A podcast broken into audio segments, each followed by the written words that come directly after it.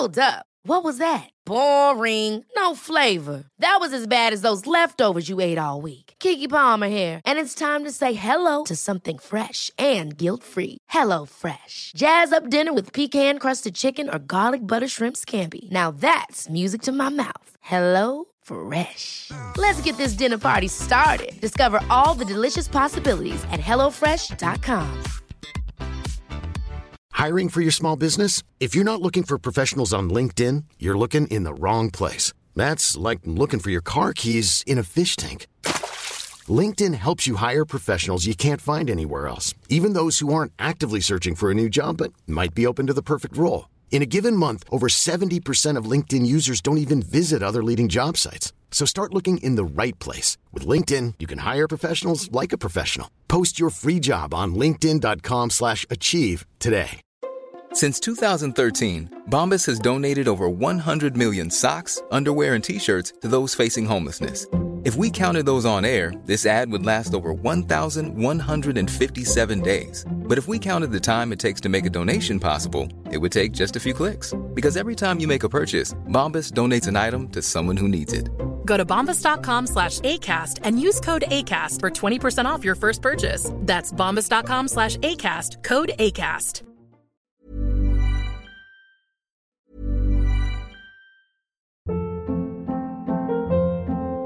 Hold up. What was that? Boring. No flavor. That was as bad as those leftovers you ate all week. Kiki Palmer here, and it's time to say hello to something fresh and guilt-free. Hello Fresh. Jazz up dinner with pecan-crusted chicken or garlic butter shrimp scampi. Now that's music to my mouth. Hello Fresh. Let's get this dinner party started. Discover all the delicious possibilities at hellofresh.com.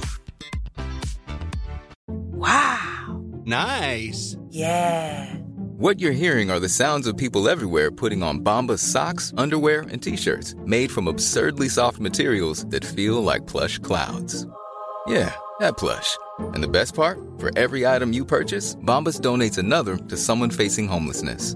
Bombas. Big comfort for everyone. Go to bombas.com slash ACAST and use code ACAST for 20% off your first purchase. That's bombas.com slash ACAST, code ACAST.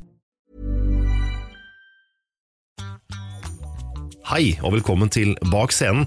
Jeg heter Trond Harald Hansen, og i denne podkastserien skal jeg finne ut hva som skjer på baksiden av norsk showbiz-bransje. Enten det er produsenter, skuespillere eller artister. Og i dagens episode har jeg gjort en liten vri. Jeg har invitert min gamle kollega Lars Eikanger for å snakke om radio, lokalradio og ikke minst Radio 1, som var den virkelig store stasjonen på 80-, og 90- og begynnelsen av 2000-tallet. Det blir radioprat. Det tror jeg blir utrolig hyggelig. Velkommen bak scenen. Her er Lars Eikanger. Bak scenen med Trond Harald Hansen. Lars Eikanger, velkommen hit. Tusen takk, Trond Harald. Dette er en stor ære for meg å få lov å være her hos deg i podkasten din. Veldig hyggelig å ha deg her også. Ja, og jeg- Gamle kollega. Ja visst er det det. Jeg har jo, var jo med å, å starte opp uh, Radiometro. Det begynner å bli noen år siden det òg nå. I Sju år siden, eller hva det er for noe, jeg husker ikke helt. Åtte, Åtte, kanskje? Ja, 2009. Jeg har eh, fine saker. Men du har jo en lang historie innenfor eh, radio. Helt tilbake igjen Ja. det som het nærradioens barndom. Ja, jeg er jo ikke av de aller eldste, men jeg begynte i 1987. Og eh, da var den store helten den gangen, ja det var jo Bjørn Forlund selvfølgelig. Og så hadde jo eh, Tande P, han var på Radio Motor, og Radio Rakel hadde fine sendinger, og det var, eh, men det var nybrottsarbeid da. Og eh, jeg hadde jeg gikk på markedsføringsskolen og syntes jo at det var helt passe, egentlig det. Men der var det et valgfag som var radio, så jeg lagde hadde Arne Wam som lærer på markedsføringsskolen, og fikk utstyr og gikk ut, gikk ut og lagde en hel masse greier, og satt og klipte dette her da på spolebånd i, i, hos NRK, for han var jo ansatt der. Og øh, lagde det jeg mener øh, egentlig den dag i dag øh, var helt historisk bra radio, og alt ble vraka. Og kasta. Det var, okay. Ok. ja, var langt, langt under det de ville ha. Og så spille på, på radioen i NRK. Så da tenkte jeg at ja vel, det, er, det, var, det var jo ergerlig. Men da, da jeg var ferdig på skolen da, så tok jeg en liten, eh, en liten sjekk av, av hva som var av, eh, av lokalradioer i, i Oslo. Jeg er jo byslamp, født og oppvokst i Oslo sentrum, så, øh, og fant ut at øh, Radio 1 kunne virke spennende. Så da dro jeg, dro jeg opp til øh, han som var eh, redaktør, Rune Alstedt den gangen, og banka på døra hans og lurte på om han hadde, hadde jobb. Og da sa han helt kategorisk at det har jeg ikke noe jobb. Sant? Men takk for henvendelsen. Men, Hyggelig at du spurte. ja, takk for i dag. Og så sa jeg til en alt i orden, men du, jeg, jeg kommer tilbake i morgen, sa jeg. Uh, og så kan vi jo kanskje ha jobb i morgen? Nei, det er det ikke. Så dro jeg tilbake dagen etter uh, og spurte om det var jobb, og han sa akkurat det samme. Så sa jeg greit, men du, da kommer jeg tilbake i morgen, jeg. og det gjorde jeg i én uke. Hver dag var jeg på kontoret hans. Og um, til slutt så sa han kommer du til å fortsette med dette? Ja, sa jeg, det gjør jeg. Ja, greit. Og skulle få lov å koke kaffe og, og pelle litt plater og sånt til gutta, men du får ikke 50 øre for det. Helt i orden, sa jeg. Så da begynte jeg i Radio 1, eh, sommeren 87, og eh, var absolutt nederst på rangstigen. Eh, og Jørgen Slips var jo i ferd med å bli superstjerne da, med min Borghild og, og alt dette her. Og, eh, så jeg var kaffekoker og generell eh, løpegutt. Og kjørte drosje om natta og i helgene for å kunne leve, og gjorde dette i, ja, i nesten et år. Eh, og så plutselig så var det sånn at innimellom var folk sjuke, og jeg sa 'jeg tar sendinga', jeg tar sendinga. Uh, uansett hva det var for noe. Og så begynte jeg å lage litt nattsendinger, og hadde treninga der. Gjerne 10 og 11 timer direktesending. Det er helt sinnssykt Ja, ja, ja. Gikk, på, gikk på sånn i titida om kvelden, og så til jeg ikke orka å, å snakke mer på morgenkvisten, sånn i sju-åtte-tida, da var jeg tom. det er fin skole, vet du. Det er jo det. Ja. Selvfølgelig. Så, Alfa omega, omega, der. ja, ja, ja, så det var, det, var, det var min start, da. Og så husker jeg det var Kristiane Sonefelt som hadde onsdag morgen Da jeg jobba der i halvannet år, tenker jeg, noe sånt, kanskje. Hadde onsdag morgen, og så kom hun og, i noe klammeri med noen, eller et eller annet. Uh, og plutselig så blei den sendinga ledig.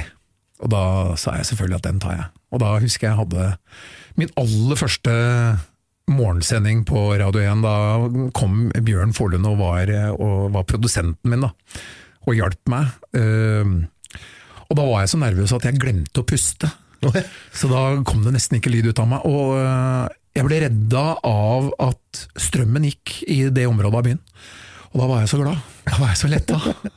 Da, da, så jeg, husker, jeg husker ennå den følelsen av å, å være helt, rett og slett helt livredd. Eh, For radioen begynte å bli ganske svært, og, og hele byen hørte på. Så det var fint. Men da altså i 1987-1988, mediebildet så jo ganske annerledes ut. Vi hadde én riksradio, vi hadde én TV-stasjon, hvis du ikke hadde parabol. Ja, ja. Eller jeg hadde Sens TV, da. Eh. I hvert fall hvis du ikke bodde på bygda, sånn som deg. Ikke sant? Var ikke født engang. Det er det verste. Ja. Men da antar jeg at radioen hadde også en kjempeoppslutning, og at lyttere var veldig engasjerte, og folk var eh, veldig på. da. Ja, jeg husker vi eh, alle vi, vi, Plateselskapene elska oss, fordi eh, Krinken var jo vriene på, på popintervjuer, og, og, og de, kom, de slapp jo ikke til, ikke sant. Det var gjerne kanskje én poplåt på ønskekonserten. Etter Barnetro og et par kristne sanger, så kunne du få én poplåt. Eh, Så blei det litt bedre etter hvert, men, eh, men plateselskapene omfavna oss, og vi fikk jo tilgang på alt som kunne krype og gå av, av popstjerner, husker de. Eh, Etter hvert så fikk jo jeg eh, morgensending sammen med, med Bjørn. Og jeg mener jo den dag i dag at det er den beste morgensendinga som noensinne har vært på norsk radio. Men, eh, og da innimellom så fortalte vi da at Jeg husker en gang særlig Samantha Fox kom og Vi gjorde et intervju med henne etter, altså midt på dagen en gang, men vi markedsførte det som at hun skulle komme morgenen etter. Da holdt vi til i Osterhausgata i Oslo, og den morgenen så var det altså pakka med folk på utsida. og tenkte, Hvordan skal vi løse dette her? Hva, hva skal vi gjøre? Og da øh, fant jeg også noe helikopterlyd som vi hadde på teip. Så eh, vi satte på den og påsto at hun kom flyvende i helikopter, og ble senka ned i tau på taket av bygningen og, og inn, og vi sto langt unna mikrofonen og skreik, da, og der kom hun, og så fikk vi laga det på den måten, og folk mente at de hadde sett det. så det var, eh, det var, vi, det var jo ingen begrensninger vet du, på det vi, eh, det vi gjorde. Det var, veldig, det, var, det var veldig moro, og, og, og jeg husker jo Man gjør jo dumme ting òg, for jeg, jeg husker etter en morgensending så det var et belasta område av byen. Det var jo mange, det var jo uteliggere og fylliker og, og, sånn overalt. De lå gjerne i trappeoppgangen. Og, og, så kommer det en av disse promobabyene, som vi, vi, jo kalte disse jentene som hadde ansvaret for, for de banda, og drar med seg noen sånne ja, De ser jo ut som noen fylliker, de som uh, kom opp. Jeg var trøtt etter morgensending. og jeg ba vel i prinsippet dem om å ryke og reise. Og dem jeg kasta ut uh, den gangen, det var Red Hot Chili Peppers. Oi! Men etter det, da jeg skjønte at det var dem, da sa jeg ja til alle intervjuer, og gjorde alle intervjuer. Mm. Med absolutt alle som kunne, som møtte opp. Ja. Så uh, man lærer liksom the hard way, da. Men det er jo vel også en fin skole, det? Ja visst er det det. Gjøre så mange intervjuer som over, overhodet mulig? I aller høyeste grad. Og nå veit jo ikke jeg um, jeg veit jo ikke om Jeg bare ser på mine egne barn. Jeg tror ikke de er villige til å ofre så mye som, som, kanskje vi har vært villige til å ofre. Og jobbe gratis. Og, og, og, si ja til alt, uansett når på døgnet det var. Det blei jo, det ble jo på en måte bare en utvida del av familien min. Det var jo folka på jobben jeg var mest sammen med. Mm. Men det tror jeg er, men, ja, og det tror jeg også er ganske egent for radio. da, At, at folk jobber gratis. Du er der mer enn du er hjemme. Ja, ja. Du er villig til å, å, snu på alt bare for å få lov til å sitte der. Ja, selvfølgelig. Og jeg håper jo fremdeles at det finnes ildsjeler, og det tror jeg det gjør litt rundt omkring. Men, men, men, jeg vet ikke om det sitter så langt inne for folk å, å gjøre det på den måten. Men jeg håper, jeg håper jo det. For mm. det er jo helt det er jo helt fantastisk. Radio er jo verdens beste medium å jobbe i. Det er jo det, ja. uten tvil. Ja, folk kan sitte og drive med helt andre ting og bare ha oss på, og det er jo det beste. Mm. Og så er det jo ekstremt kort vei fra at du har en idé til det faktisk går på lufta. Det kan uh, nesten gå litt for fort, det. Ja, ja. det har skjedd flere ganger. ja, det er, det, er jo, det er, jo, det som er så bra. Mm. Men da videre utover 90-tallet så blir jo Radio 1 større, og enda større. Ja, øh, vi, øh, etter hvert så er jo, er jo Radio 1 en, en institusjon i, i, hovedstaden.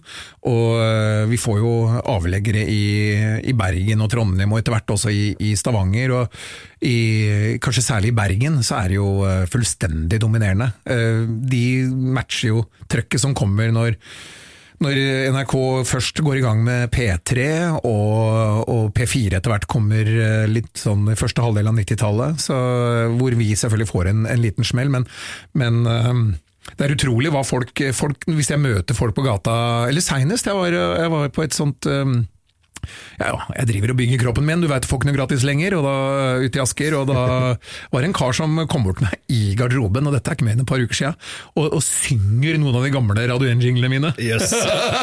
da, da, skjønner du at du har gjort inntrykk. Ja, du verden. ja, ja. Altså, Radio 1, Radio 1 har vært en fantastisk eh, skole å, å gå, og de som er på min alder, de glemmer aldri, vet du. Og stadig referanser til, eh, til det. Men kom det overraskende på at, eh, at man da fikk eh, P3 og P4? Eller lå det liksom i ja, nei, korta lenge? Ja, Radien prøvde jo å få den, eh, den konsesjonen, men sjefen din her i Metro han var jo mye bedre til å skrive søknader. Så det var jo Svein Larsen og, og, og Rune Remøy som dro det lengste stikket der, og, og, og starta det som blei en pengemaskin. Så, så, det er jo takket være de at, uh, at det blei dem og ikke meg. Mm. Men har, jeg har ikke noe det er, eh, det, er bare, det er, bare, bra, og det har jo vært en eventyrlig suksess. P4 og nå er jo flere av alle av de som jobber i radioen, er jo, er jo der nå. Så. Ja, omtrent hele. omtrent hele, ja, det er helt riktig. Så Nei da, det, det fikk, radio fikk en enorm oppmerksomhet da vi plutselig ble, fikk en riksdekkende kanal også. Så det ble jo bare til at vi, vi skjerpa oss. Men, men, det er jo Jeg husker jo eh, det, det, det fine med å, å være på, på, radioen før er jo eller var jo at eh, det var eh, Vi gjorde akkurat hva vi ville. Og vi tenkte vi, altså, Det var ingen det, det var ikke noe det, Vi gjorde ikke noe markedsundersøkelse, vi altså. Nei. Det var bare å ture frem og holde på og ha det moro. Vi, eh, vi hadde en eh, Bjørn og jeg hadde en konkurranse. Vi hadde fått tak i noen turer til London. Det var et nytt flyselskap som eh, skulle lansere noen turer til England. og Dette var vel kanskje ja, tidlig tidlig 90. Og, og eh, så starta vi en konkurranse som het Hvor langt er du villig til å gå? Og jeg husker jeg vi jeg hadde en, jeg hadde en Honda, det selvfølgelig noe bartergreier, men også og så jeg hadde Radioen klistret over hele bilen. Og nede på, eh, på ringveien utafor Ullevål stadion, og storstua til norsk fotball, eh, så fikk vi altså en dame til å, å, å Vi satte på radioen høyt og satte på noe, noe skikkelig sånn der sensuell musikk, og hun sto oppå taket på bilen min kvart på åtte om morgenen og strippa. For en tur til London! Da fikk vi ei helside i VG, og, og jeg tror vel jeg blei politianmeldt òg, så vidt jeg husker. Det også. Eh, Jeg lurer på det. Jeg lurer på det, altså. Om ikke det blei resultatet av det, men eh, jeg måtte ikke sone. Nei. Flaks det, da. Ja, det gikk bra. Ja. Jeg tror de flira litt. Den, De betjentene som kom og tok gledet henne trygt ned og fikk på henne klærne igjen. Men um, sånne ting er jo, syns jeg er jo helt fantastisk å ha vært med på. Da. Det er jo kjempegøy, da. Det blir jo det. Ja, det er jo det. det er jo gæren. Jeg prøvde jo, altså, med tanke på hva, hva jeg skulle lage, og, og du skal jo sitte der og fylle fire timer direkte hver dag. Det er ikke mange i landet her som har flere livesendinger enn meg, altså. bare for å si det. Det er noen, men det er ikke mange. Og, og, og etter hvert så begynte jeg jo å snakke om eh, det som skjedde i min absolutte nærhet. Eh, Altså familieting, ikke sant. Og det var så ille en periode at jeg måtte, måtte demontere de radioene vi hadde hjemme. Folk ringte hjem til, eh, til, til dama mi da, og lurte på hvor gærent det er egentlig. så det sparte ikke. Jeg hadde jo, hadde jo Howard Stern som min store helt, ikke sant. Og ingenting, Rett fra levra der, da. ja, ingenting kunne være tydelig nok. Så det blei voldsomt en periode, altså. Og så blir man litt høy på seg sjøl når man sitter der og du veit at du snakker til eh, hele byen. Så Alle hørte på. alle hørte på. Ja, det, Ja, det, det var jo sånn. ja, det var virkelig det. Altså. Det var veldig, veldig fantastisk tid. Eh, Det er jo, eh, det er jo vi har jo alle muligheter eh, fremdeles, men det er klart nå er jo støyen mye støy, da, men eh, den gangen så var det jo, det jo helt annerledes. Og vi hadde, vi hadde Radio 1s natt-TV, så vi lagde jo TV også seint på 80-tallet. Det var oppi ei svær seng eller noe sånt, Ja, det? ja, ja, ja.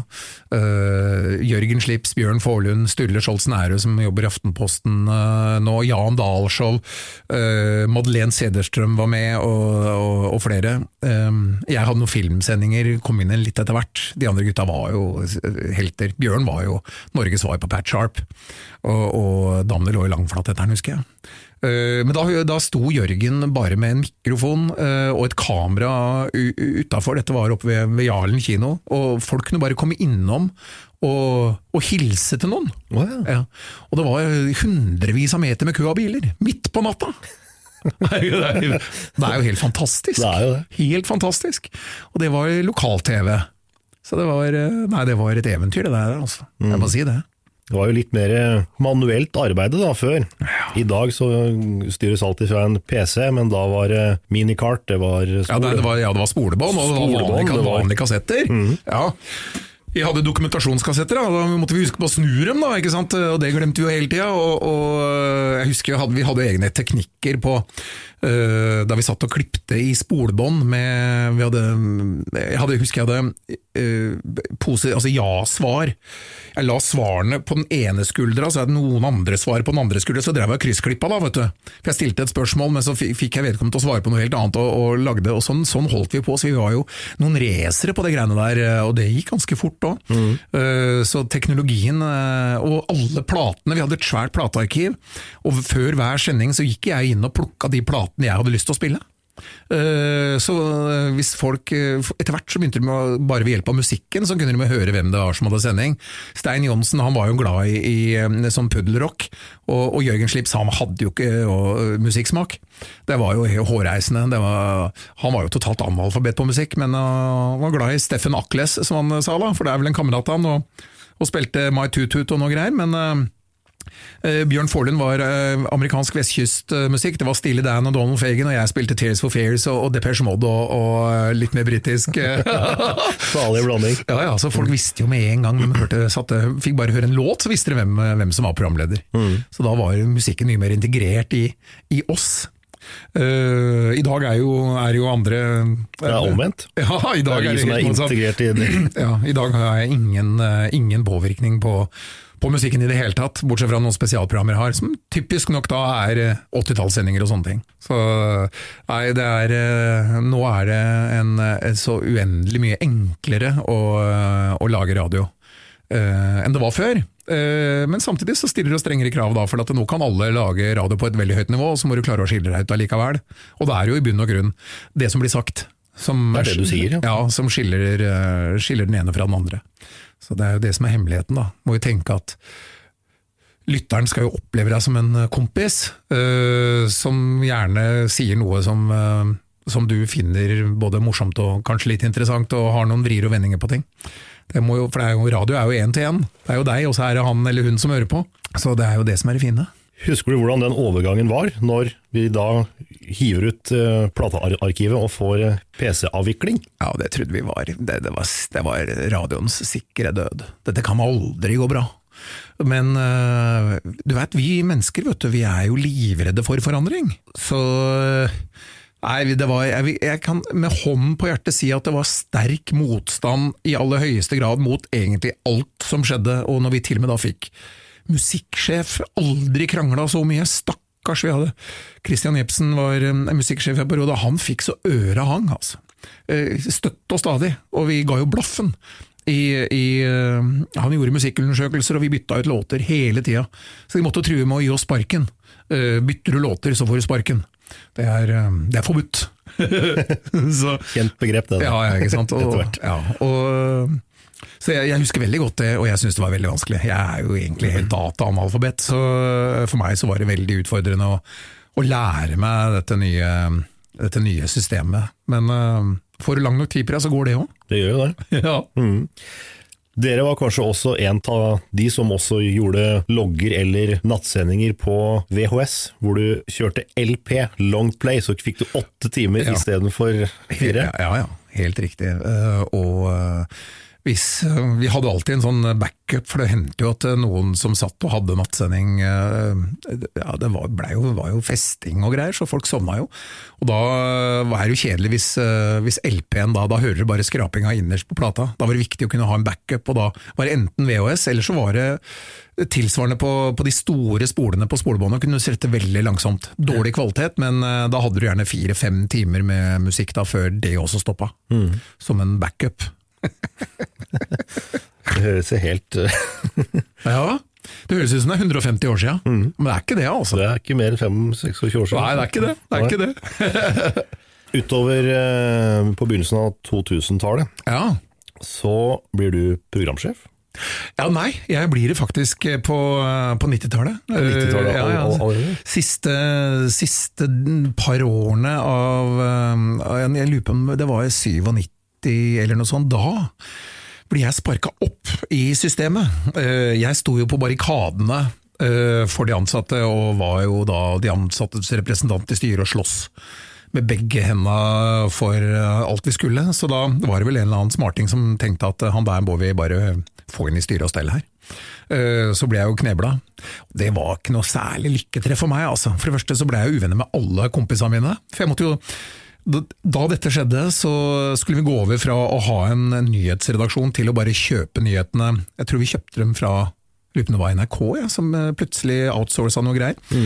Og da det var, ja, det var en tung tid, da, men, da var jeg, men vi klarte å snu Jeg var jo med å, å lage dette storby, storbybegrepet. Eh, Radio 1 storby, eh, så vi blei en økonomisk suksess. Eh, daværende sjef på Tore Crosby, som er sjef i alle konsernene i, i dag.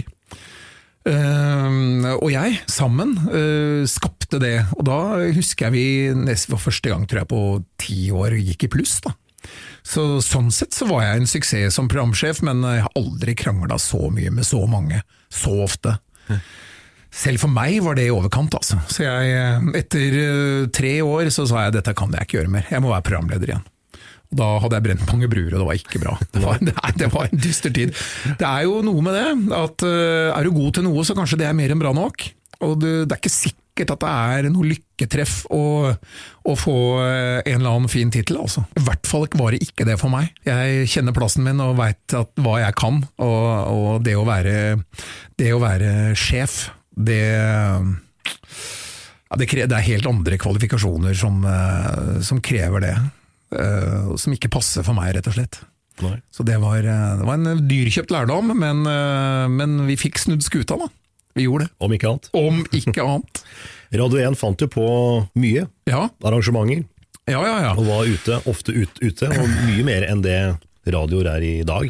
Vi var ute hele tida, vi hadde sendinger overalt. Vi husker før påske så sto vi på alle bensinstasjoner og hadde, hadde utdeling av gratis bensin. Shell var en sponsor hos oss, eh, og vi holdt på med masse greier der. Lagde goodiebags da, med, med det som måtte til oppi der, og vi hadde konkurranser. Hånden på, hånden på bilen.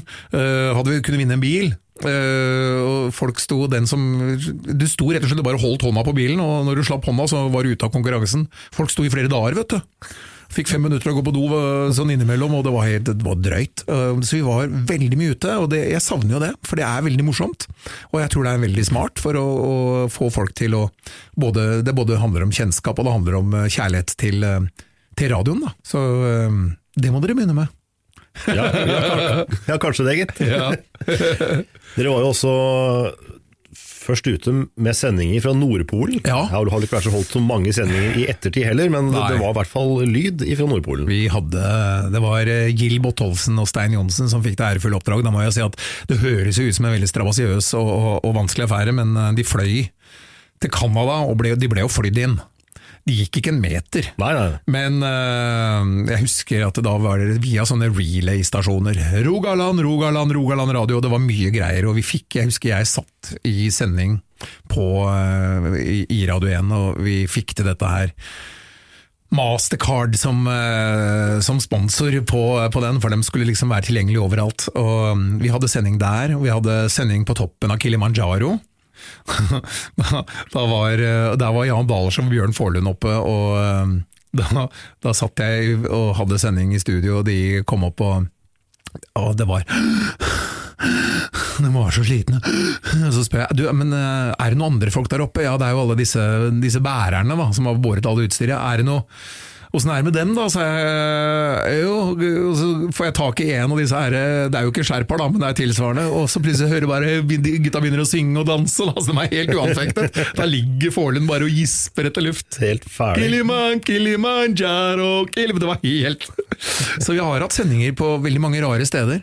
Drømmen min var jo å bli med ned i, i Jeg hadde lyst til å ha sendingen på bunnen av Marianegropa, 11 000 meter under vann, men det har vi ikke fått gjennomført. Det kan nok bli litt vanskelig. Ja. Ja, ja. Og, og vi har heller ikke vært på månen, men eh, vi har vært mange steder, ja. Det er stilig. Ja, det er, ja, det er veldig moro. Veldig moro. Men ved siden av radio så har du også gjort litt eh, TV, annet på TV3. Ja, ja, jeg har jo hatt noen tunge debattprogrammer, da. Jo, det, starta, det starta med at jeg hadde bingo jeg hadde bingo-TV, altså bingo på lokal-TV i Oslo. Satt uh, i et studio uh, midt i Oslo City og, og hadde bingo. Uh, og det var jo kjempegøy. og, og det beste med det var vel at jeg fikk uh, hadde en avtale med en eller annen eh, butikk, så jeg fikk jo Jeg hadde jo jeg hadde jo flere dresser da, mange flere enn jeg har nå. Uh, og så var jeg på audition på TV 2, uh, for Dan Børge Akerø skulle han skulle gi seg, eller om han skulle bli sjef i TV 2 eller hva det var, ja, men i hvert fall så hadde han TV- TV-flaks. det var jo gameshow-perioden dette her, på 90-tallet. Og og så jakku så fikk jeg den jobben, og hadde én times direktesendt gameshow eh, på fredagskvelden. Og det var jo helt eventyrlig. Da får du kilt ego, da. Og det vet du. Eh, og så, og så Men jeg skjønte jo ikke egentlig helt Jeg skjønte ikke opplegget. Så da disse sesongene var over, og, og, og så, ja, ja, for jeg hadde jo radiosendinger ved siden av, så plutselig så bare kokte det i kålen, og så tok TV3 kontakt, og så lagde jeg var jeg borte i Sverige og lagde 50-60 episoder av noe, et spørreprogram som het Klikk. Og ikke bare det, men jeg har jo vært med på Mann o mann. Det var litt av et program. Det var en haug med, med, med, fotomodeller eh, og noen karer som skulle gjøre noe greier, og de, noen ble dytta ut i bassenget, og det kom busslaster med damer inn, eh, og de ble skjenka i bussen på vei til Sverige, så de var jo, de var stup fulle, og det var jo et herlig kaos og leven eh, på de TV-innspillingene. Ja, det var, det var helt sånn utenomjordisk, det altså. Det er nesten så jeg har fortrengt det, vet du. Ja. Det er såpass? Ja, det, det. Så jeg har fuska litt, i det litt i det faget der også, men det er, det er radio som på en måte er, som er mitt hjertebarn. Hovedfaget? Ja, i aller høyeste grad. Mm. Du var vel også med på oppstarten av Kanal 24? Jeg var ikke med helt i starten, men jeg kom inn ganske tidlig, og da var vi da var vi Ja, det er faktisk rett borti gata fra her vi, vi sitter nå, i, i Pilestredet i Oslo. Og det var jo etter um, Det var Valje Svarstad Haugland som ordna den biffen. Ja, hun var hun ordna. Ja, og da var jo, da var jo hun ene i P4 ble jo så sint. Silje Stang, ja. ja. Så det, det, var, det var ja. Så vi, vi, var med på det, og det var jo en fantastisk reise. Det var jo ingen skrupler på noen ting. Jeg tror det var en særdeles kostbar affære for, for TV 2, da, som satt på eiersida der, og, eller som eide oss, vel. Eh, så eh, helt til Helt til SBS kom og, og, og tok over, da var, vi, da var, vi, to stykker som de fant de ikke hadde plass til. Det var Geir Skau og meg. Eh, så da hadde vi gravøl på Theatercaféen. Og da ble vi kasta ut i sjutida. Det tror jeg heller ikke så mange har blitt da. Uh, Nei, det er tidlig. Ja, det var tidlig. Vi begynte tidlig nå. Ja, ikke sant? Ja, så vi, vi, hadde en grei sorti der, uh, der nede. Ja. Men åssen var starten i Kanal 24 da, når uh, det var jo P4 egentlig som håpa på den konsesjonen, og ja. de fikk jo ikke den. Nei. Kanal 24 la seg tett etter P4, eller het jo e- egentlig Kanal 4, og la seg tett opp til det P4 var, ja. men måtte skifte navn til Kanal 24. Ja. Det var veldig uheldig, tror jeg, hele, hele, opplegget der. Man burde jo vært litt smartere når man ser på det, særlig i ettertid. For det som skjedde var jo at lytterne ble jo forbanna. Og øh, den opplevelsen av det var jo at Kanal 4, som blei 24, tok fra dem øh, favorittkanalen P4. Og da gidder de jo ikke å høre på. Så eh, det var jo et svare strev, det med å prøve å, å få etablert seg og, og, prøve å fortelle at eh, det er, det, det er, rett og slett eh, Du får skylde på noen andre, får skylde på hva de er, og ikke på oss. Vi er ålreite, vi. Ja, vi er ålreite. Men det, det, er vel egentlig noe som, som den kanalen har slitt med siden. Og P4 fikk jo så mye sympati, som gjør at de jo er den desidert største kommersielle aktøren i dag. Så det var, det var, nei, det var et dårlig håndverk, akkurat den overgangen der. Altså. Der burde man gjort litt annerledes. Det har vel ikke skjedd noe lignende etterpå heller? Nei, og nå er, ikke, nå er, vi jo inne i en periode hvor det er helt umulig å si hva som skjer. Jeg føler at vi er med i et stort lotteri ja, nå. Uh, hva er det som Hva vil skje nå? DAB, ikke sant? Skru av FM! Hvordan i all verden har de kommet på at det er en god idé? Mm. Men uh, er... nå må vi jo bare Det må vi jo bare vi må jo bare se åssen det blir. Ja, vi må rett og slett bare se åssen det blir. Og, og, jeg skjønner jo at folk er forbanna. Må kjøpe seg nye, nye gadgets for å få, få, lyd, og jeg får da inderlig håpe at uh, de aller fleste gjør det. Uh, sånn at uh, radioen fremdeles er levedyktig. Det er jo, som vi sa, det er et veldig bra medium. Ja, så jeg håper jo, Nå er det jo heldigvis i disse dager, så hører vi jo om at det er utsolgt for både disse her adapterne og det er utsolgt for DAB-radioer og alt mulig, men det er jo spennende. Nå er jo halve Norge uten FM. Eh, med, når de skrur av i både Nordland og, og Trøndelag og Møre og Romsdal. Så det, det, det er, virker det er i hvert fall forbi point of no return, dette her. Altså. Det virker sånn. Ja. Nei, det var akkurat hvordan dette her går. Vi er inne i et eh, ekstremt avgjørende år for radio. eh, Sånn som jeg ser det. Og det jeg krysser fingrene og håper at eh, alle eh, har lyst på å, å fortsette å høre på radio, selv om vi nå sitter på en podkast. Men det er bare en utvidelse. ja, det er det der. Det er, er det. akkurat det der. Så det er fint. Mangfold, vet du. Det er bra, det. Det er bra, det. Du, jeg syns det var kjempehyggelig at du stakk innom. Du, Så hyggelig at jeg fikk lov å, å være med på dette her, da. Bare så du veit det, dette er første gang jeg er på podkast. Gratulerer. Tusen takk. Det var min prat med Lars Eikanger. Dette er Bak scenen, podkasten som tar deg med på baksiden av norsk showbiz-bransje. Jeg heter Trond Harald Hansen, tusen takk for at du har hørt på. Om en uke, ny podkast. Da kommer Guri Skanke på besøk. Danske flue er eh, virker som Altså, jeg syns den har holdt seg så bra, og at folk, det, det folk sier er liksom Gud a meg, den er jo like morsom enda. Og det begynner jo å bli en del år siden, og det er sjeldent at eh, TV-overførte teater blir så vellykket. Det var Roald Øyen som gjorde for øvrig, han var veldig god på det. Eh, så det er jo helt fantastisk å få vært med på det, da. Altså, det er jo altså Hæ? Hvordan kunne man tenke seg det? Det er blitt en, eh, en tradisjon for veldig mange mennesker.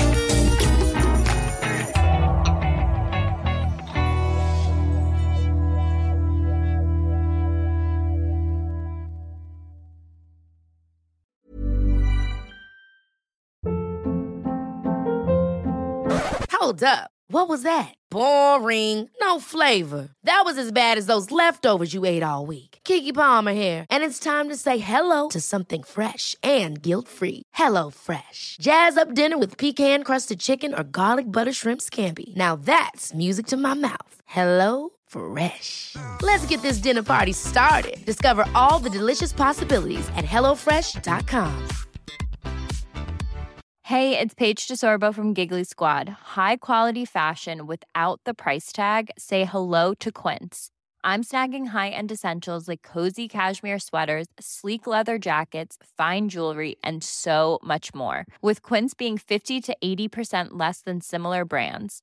And they partner with factories that prioritize safe, ethical, and responsible manufacturing. I love that. Luxury quality within reach. Go to quince.com slash style to get free shipping and 365 day returns on your next order. Quince.com slash style.